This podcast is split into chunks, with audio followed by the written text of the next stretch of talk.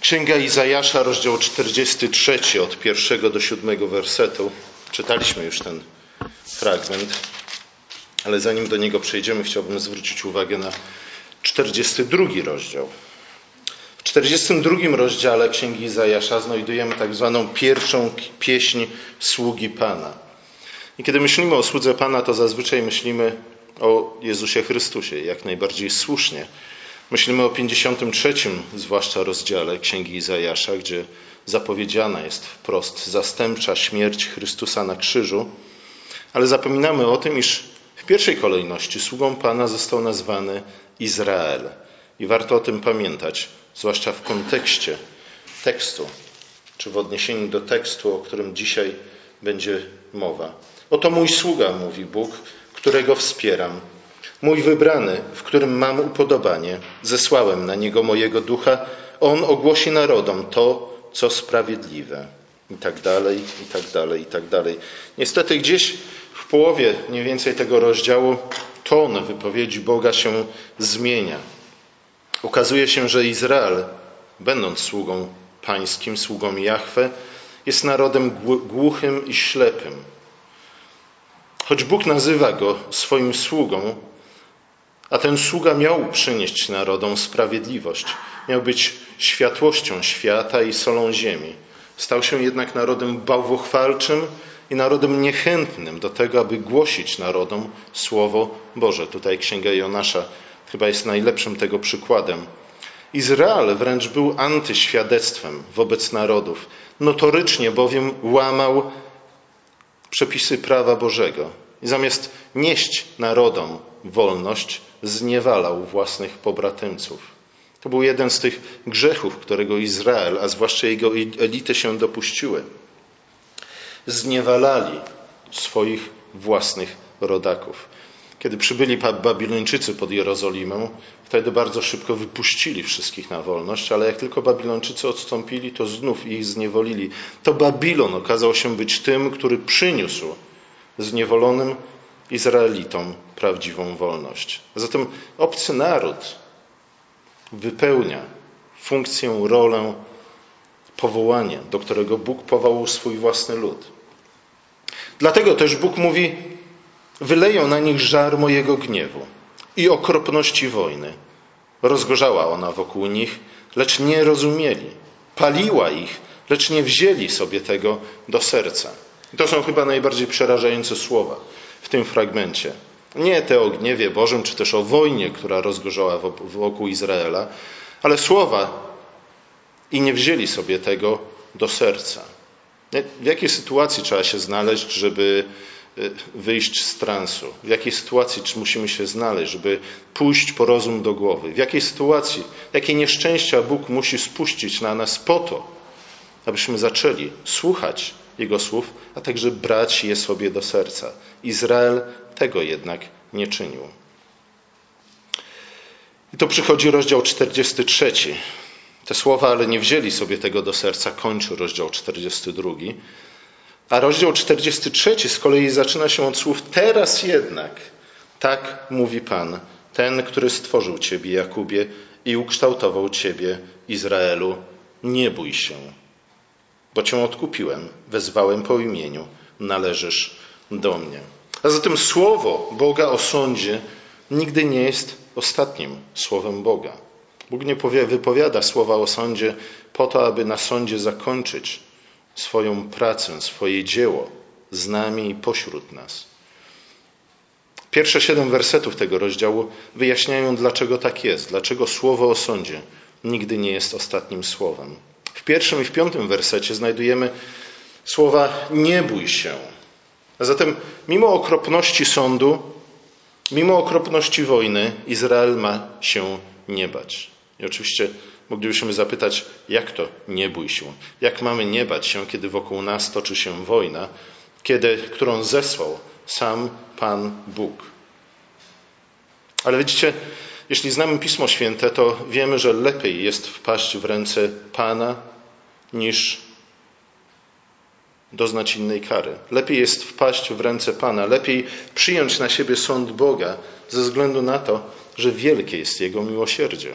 Tak mówi Dawid, król Dawid, kiedy ma do wyboru trzy różnego rodzaju kary. I on wybiera właśnie to, aby wpaść w ręce Pana, bo mówi, wielkie jest Jego miłosierdzie. Jeśli Bóg nas karze, to czyni to w miłości i z miłości. A zatem sąd nie może być ostatnim słowem Boga. Bóg sądzi swój lud z miłości, aby go oczyścić i aby go uzdrowić, aby w końcu jego lud stał się tym, kim ma być, aby spełnił swoje powołanie, aby prawdziwie stał się wiernym sługą Pana, który niesie narodom słowo prawdy i wolności. Izrael ma się nie bać również dlatego, ponieważ Bóg go ukształtował. I Bóg go uformował. Jest to język, który oczywiście nawiązuje bezpośrednio do opisu stworzenia świata. To samo słowo, które powołało to, czego nie ma, do istnienia, powołało również Abrahama, aby stał się ojcem narodów, aby stał się źródłem błogosławieństwa dla narodów. Dla narodów, które upadły pod wieżą Babel. Kiedy znów, po raz kolejny, mogłoby się zdawać, że byłby to dobry moment, dobra chwila, by zakończyć raz na zawsze historię tego świata i ludzkości. A jednak nie. Bóg tym samym słowem powołuje Abrahama, aby uczynić go sługą narodów, sługą Jahwe. Później to samo słowo powołuje Hebrajczyków z Egiptu. I pod Synajem, Synajem właśnie kształtuje, formuje go w królewski naród kapłanów. I znów nie jest to jedynie naturalny proces kształtowania się narodów, ale jak najbardziej cudowny Cudowne działanie Boga, podobne do stworzenia świata. Bóg mówi i oto rzeczy stają się. Izrael w ten sposób stał się szczególną własnością Boga. I stąd też bierze się szczególny stosunek Boga do Izraela. To jednak nie wszystko ze względu na to, że Bóg mówi: Ja cię odkupiłem. I tutaj, tekst hebrajski przynajmniej, wskazuje na bliskie więzi krwi między Bogiem a Izraelem. Może słyszeliście o kimś takim jak Goel, który był bliskim krewnym. Jego obowiązkiem było nie tylko wykupienie członka rodziny z niewoli, jeśli ktoś bliski krewny popadł w niewolę, z tego czy z innego powodu, obowiązkiem właśnie kogoś takiego było wykupienie go z niewoli. A jeśli ktoś bliski, krewny został zamordowany, to właśnie ten, Goel, miał dokonać wyroku na mordercę gdy został złapany i skazany. A zatem Bóg jest nie tylko stwórcą Izraela, ale Bóg jest również bliskim krewnym, który związany jest z, Izraelem z obowiązaniem oraz przysięgą. A zatem on nie może, nie wolno mu obojętnie patrzeć na upadek czy też na krzywdę swojego ludu. Do tego zobowiązują go więzy krwi, jakie łączą Boga z jego ludem. A dokładnie powinniśmy powiedzieć, więzy przymierza, jakie Bóg zawarł ze swoim ludem. Bóg wziął na siebie to zobowiązanie i je wypełni, dlatego że nie jest jak człowiek, żeby miał kłamać. Ale ta więź między Bogiem a Jego ludem nie jest tylko i wyłącznie więzią formalną. Bóg jest nie tylko zobowiązany do tego, aby ratować swój lud, ale przede wszystkim Bóg chce ratować swój lud. Dlatego mówi: Wezwałem Cię po imieniu, mój jesteś. Ta bliska więź, która łączy Boga i jego lud, jest więzią, która łączyła Boga z Abrahamem, z Izaakiem, z Jakubem, z Józefem. Ta sama więź łączy go z potomstwem Abrahama i Jakuba. Jest ona czymś więcej niż więź między Panem a sługą, a nawet czymś więcej niż więź między krewnymi. Jest czymś więcej niż więzią braterską jest więzią miłości. Bóg jest nie tylko naszym Ojcem, ale On jest również mężem ludu Bożego. Żonę zazwyczaj się wybiera z miłości. Brat się rodzi. Więź między dziećmi a rodzicami jest więzią, którą moglibyśmy nazwać naturalną, ale więź między mężem i ojcem, e, mężem i żoną jest, jest inną więzią, ze względu na to, że przynajmniej w teorii Opiera się na wyborze podyktowanym miłością. W księdze Ozeasza Bóg mówi: Wywiodłem cię, wywiodłem ich, nie, przepraszam, wiodłem ich za sobą pętami dobroci, więzami miłości. Postępowałem z nimi jak człowiek, który niemowlę tuli do swojej twarzy. Pochylałem się ku niemu, aby je nakarmić. Czym jest to niemowlę, które Pan Bóg znalazł w polu? Jest to niemowlę, które On zaadoptował. Adopcja w pewnym sensie jest lepszym obrazem więzi między nami a Bogiem niż więź między ojcem a naturalnym dzieckiem, dlatego że adopcja jest podobniejsza do więzi między mężem i żoną. Jest oparta na wyborze podyktowanym miłością. W 49 rozdziale Księgi Izajasza Bóg pyta, czy matka może zapomnieć o swoim niemowlęciu, czy przestanie kochać dziecko, które urodziła? To właśnie to, o to, co znaczy należeć do Jahwe, być Jego dzieckiem, być Jego żoną, być Jego. Kiedy Bóg nazywa nas po imieniu, to to oznacza, że zawiera z nami, łączy nas z Nim najbardziej intymna więź miłości, jaka może istnieć. Nie znaczy to jednak, że Bóg jest ojcem lub matką, która wychowuje swoje dzieci bezstresowo. E, nie jest matką, która jedynie chucha i dmucha na swoje dziecko, będąc jednocześnie całkowicie ślepa na jego błędy i upadki. Niestety to jest najczęściej popełniany błąd. Nie? Nasze dzieci są nasze, w związku z tym jesteśmy o wiele bardziej chętni i gotowi do tego, aby przymykać oczy na to, co złego robią, na ich nieposłuszeństwo, na ich krnąbrność, na ich złośliwość, bo są nasze. Nie? O wiele łatwiej jest nam zauważyć potknięcia cudzych dzieci. Mamy skłonność do tego, aby chuchać i dmuchać, a jednocześnie być ślepymi na ich błędy i upadki. Zła matka tak postępuje. Ale dobra matka nie chce, żeby jej dziecko wyrosło na narcyza, na nieudacznika, na jakiegoś życiowego czy też społecznego kalekę, który nie będzie wiedział, jak ma żyć, jak ma zadbać o siebie, jak ma zatroszczyć się o innych. Dobra matka troszczy się o dziecko z myślą o jego przyszłości. Zła matka pozbawia swoje dziecko przyszłości, rabuje je z przyszłości. Dobra matka chce, aby jej dziecko wzrastało w mądrości i w łasce, a nie tylko opływało w pluszaki. Dlatego Bóg mówi, dlatego Bóg nie mówi, oszczędzę ci ognia i wody, ale mówi, przeprowadzę cię przez ogień i wodę. A raczej wodę i ogień, bo kolejność chyba tutaj jest ważna. Gdy będziesz przemierzał wodę, ja będę z tobą, nie zatopią cię rzeki. Gdy będziesz przechodził przez ogień, nie poparzysz się i płomień cię nie spali. Zmianka o wodzie i ognia, a dokładnie o przejściu przez wodę i ogień, powinna nas zaintrygować. Choćby z tego względu, że w Ewangelii Mateusza Jezus mówi o tym, że zostaniemy ochrzczeni w wodzie, a także zostaniemy ochrzczeni ogniem, czyli duchem. I w ten sposób, poprzez przeprowadzenie przez wodę i przeprowadzenie przez ogień, Chrystus przygotowuje sobie lud swój, lud, który będzie czynił uczniami wszystkie narody, tak jak dzisiaj to już słyszeliśmy. Ale przejście przez wodę i ogień jest także sekwencją, jaką znajdujemy w systemie ofiarniczym, o której mówi Mojżesz w trzeciej księdze Mojżeszowej, czyli kapłańskiej, gdzie ofiarowane zwierzę najpierw musiało być obmyte, a dopiero potem spalone, aby właśnie po co?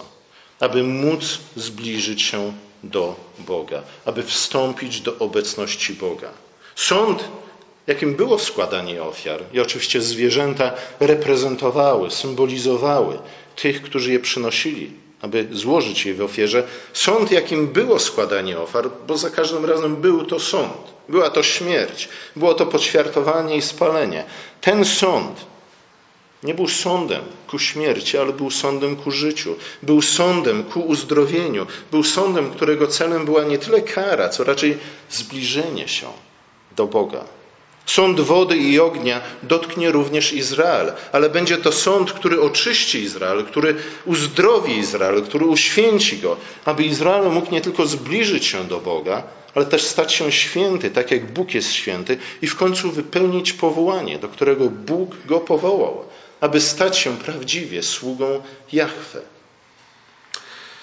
Dalej Bóg odnosi się do sytuacji politycznej Izraela, co nie powinno nas dziwić ze względu na to, że Izrael żył i istniał e, w czasie i w przestrzeni te wszystkie historie, które czytamy, nie są historiami wyabstrahowanymi, ale jak najbardziej zakorzenionymi w dziejach nas wszystkich. W gruncie rzeczy mówimy Izrael, Izrael, ale mam, mam nadzieję, że wszyscy rozumiecie, że mowa jest o nas, którzy jesteśmy dziećmi Abrahama poprzez wiarę.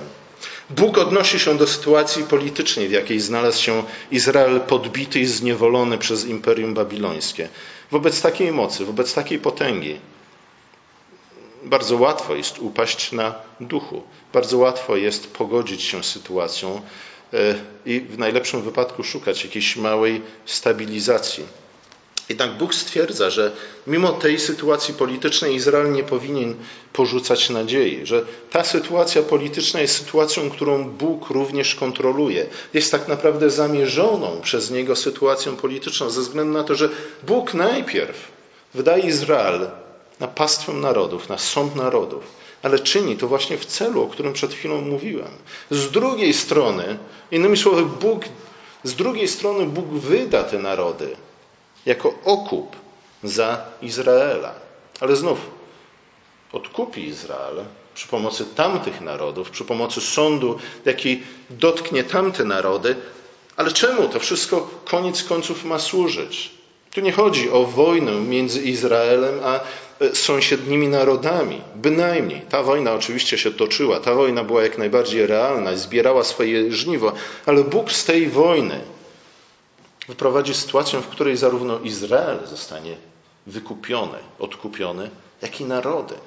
Izrael zostanie odkupiony za cenę Egiptu, Kusz, Saby, ale z drugiej strony, kiedy w końcu zostanie odkupiony i stanie się sługą Jahwe, przyniesie słowo Ewangelii tym narodom.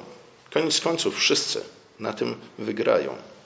W wersecie czwartym Bóg ponownie Zapewnia Izrael o swojej miłości, mówi o wybraniu i po raz kolejny mówi: Nie bój się, bo ja jestem z Tobą. I to też jest ważne, że Bóg jest z nami.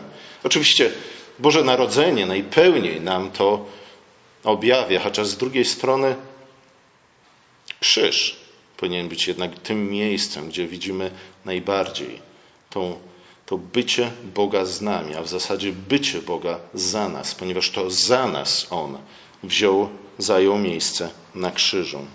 Innymi słowy, Bóg mówi: Jestem z Tobą również na wygnaniu, nigdy Cię nie opuściłem i nigdy Cię nie opuszczę. Znów, jak matka mogłaby zapomnieć o swoim dziecku? Bóg związał swój los z naszym losem. Znów, wcielenie i śmierć Chrystusa najlepiej to obrazuje. Bóg nie tylko dzieli na, nasz los, ale w pewnym sensie On zaczyna prowadzić nas przez nasze życie, przez dzieje świata, jako głowa swojego ciała. On pierwszy idzie poprzez wodę, tak jak Mojżesz pierwszy przeszedł przez wody Morza Czerwonego. On pierwszy wstępuje do ognia. On jako pierwszy przyjmuje na siebie ten sąd, po to, aby później przeprowadzić przezeń bezpiecznie również swoje ciało.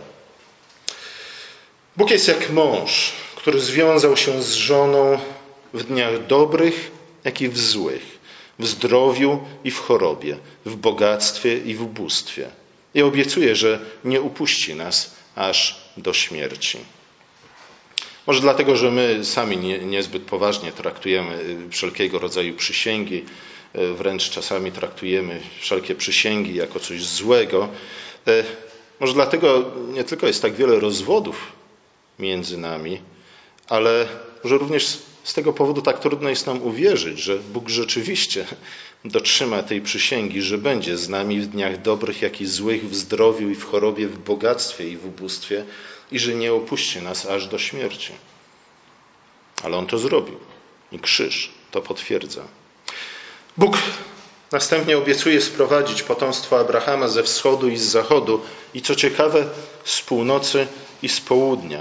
O ile kierunek wschodni i zachodni są zrozumiałe, bo wiemy, że z jednej strony Judejczycy zostali uprowadzeni, a wcześniej mieszkańcy północnego królestwa gdzieś tam właśnie na wschód. Z kolei część Hebrajczyków uciekła na zachód do Egiptu. To ten kierunek północny i południowy nie za bardzo pasują nam do tamtych zdarzeń. Dlatego wielu komentatorów zwraca tutaj uwagę na eschatologiczny wymiar tej obietnicy, innymi słowy, odnoszący się do dalekiej przyszłości, która nie może bezpośrednio dotyczyć tylko i wyłącznie niewoli babilońskiej, ale znajduje swoje wypełnienie właśnie w Kościele. W Kościele, w którym Bóg gromadzi ludzi z każdego narodu. Z północy i z południa, ze wschodu i z zachodu. E, w kościele, w którym każdej niedzieli Bóg gromadzi swój lud na wszystkich krańcach świata wokół jednego stołu i jednego posiłku. Ze względu na to, że kiedy będziemy spożywać chleb i pić wino, karmić się samym Chrystusem, to będziemy spożywać z jednego bochenka. Nie tylko my, ale też baptyści po drugiej stronie ulicy, luteranie przy tamtej ulicy, a także nasi przyjaciele w Tokio. Zgadza się? To jest wypełnienie niepełne, ale przynajmniej częściowe tej obietnicy. Innymi słowy, jest, jest to potwierdzenie tego, co Bóg powiedział już Abrahamowi, że zgromadzi, uczyni z wszystkich narodów dzieci Abrahama. Na koniec Bóg mówi, że wszystko czyni dla, to dla swojej chwały, dla której stworzył i uformował swój lud. Tu w pierwszej chwili może, możemy doznać pewnego rozczarowania, bo e, tak bardzo skupiliśmy naszą uwagę na sobie, na to, jak bardzo Pan Bóg nas kocha, a tutaj nagle Pan Bóg mówi, że to wszystko czyni dla swojej chwały. Czyżby nie czynił tego dla nas? Przed chwilą powiedział, że tak bardzo nas kocha, że wszystko to czyni dla nas. Co Bóg ma na myśli, kiedy mówi o swojej chwale? Z jednej strony, kiedy Bóg mówi o swojej chwale, to jest to kolejne zobowiązanie ze strony Boga, jest to gwarancja, że uczyni to, co zobowiązał, bo po prostu nie byłoby to honorowe, gdyby Bóg nie spełnił tego, co obiecał. Dlatego i my też powinniśmy być ludźmi słownymi, którzy dotrzymują obietnicy, a nie rzucają słów na wiatr. Bóg taki nie jest. I to jest takie najprostsze chyba do zrozumienia, znaczenia tego, że Bóg to czyni dla swojej chwały, ponieważ On nie może. To byłoby wbrew Jego naturze i tym, kim On jest. Byłaby to plama na Jego honorze. Ale z drugiej strony, z drugiej strony pamiętajmy o to, co jest, jest chwałą Boga. Niejaki Ireneusz z Lyonu stwierdził, że chwałą Boga jest żyjący człowiek. Myślę, że wielka mądrość kryje się w tych słowach. To pozwala nam zrozumieć, dlaczego pomiędzy tym, co Bóg mówi o miłości swojej ku nas, a swojej chwale, nie ma absolutnie żadnego przeciwieństwa. Ale jedno i drugie w gruncie rzeczy oznacza to samo. Bóg stworzył człowieka na swój obraz i podobieństwo aby objawić w nas i poprzez nas swoją chwałę, aby w nas i poprzez nas napełnić całe stworzenie swoją chwałą. Bóg stworzył człowieka, aby człowiek, wzrastając w mądrości i w łasce, prowadził resztę stworzenia ku chwale. W Chrystusie, którego Ojciec otoczył chwałą, jaką Syn miał u Ojca, zanim świat powstał, również my, którzy należymy do Niego, mamy udział w chwale Ojca. Kiedy więc Bóg mówi, że czyni coś na swoją chwałę, to znaczy to, że czyni to również na chwałę człowieka. Człowieka zjednoczonego z Chrystusem. Człowieka, który jest cia częścią ciała Chrystusa. Jakże inaczej Bóg mógłby czynić, postąpić inaczej, Czyli szukać swojej chwały w oderwaniu od tego, którego stworzył na swoją chwałę, skoro przecież począwszy od poczęcia Chrystusa, jeden z Trójcy jest prawdziwie człowiekiem. Kiedy Bóg czyni coś na swoją chwałę, czyni to również na chwałę człowieka. Amen.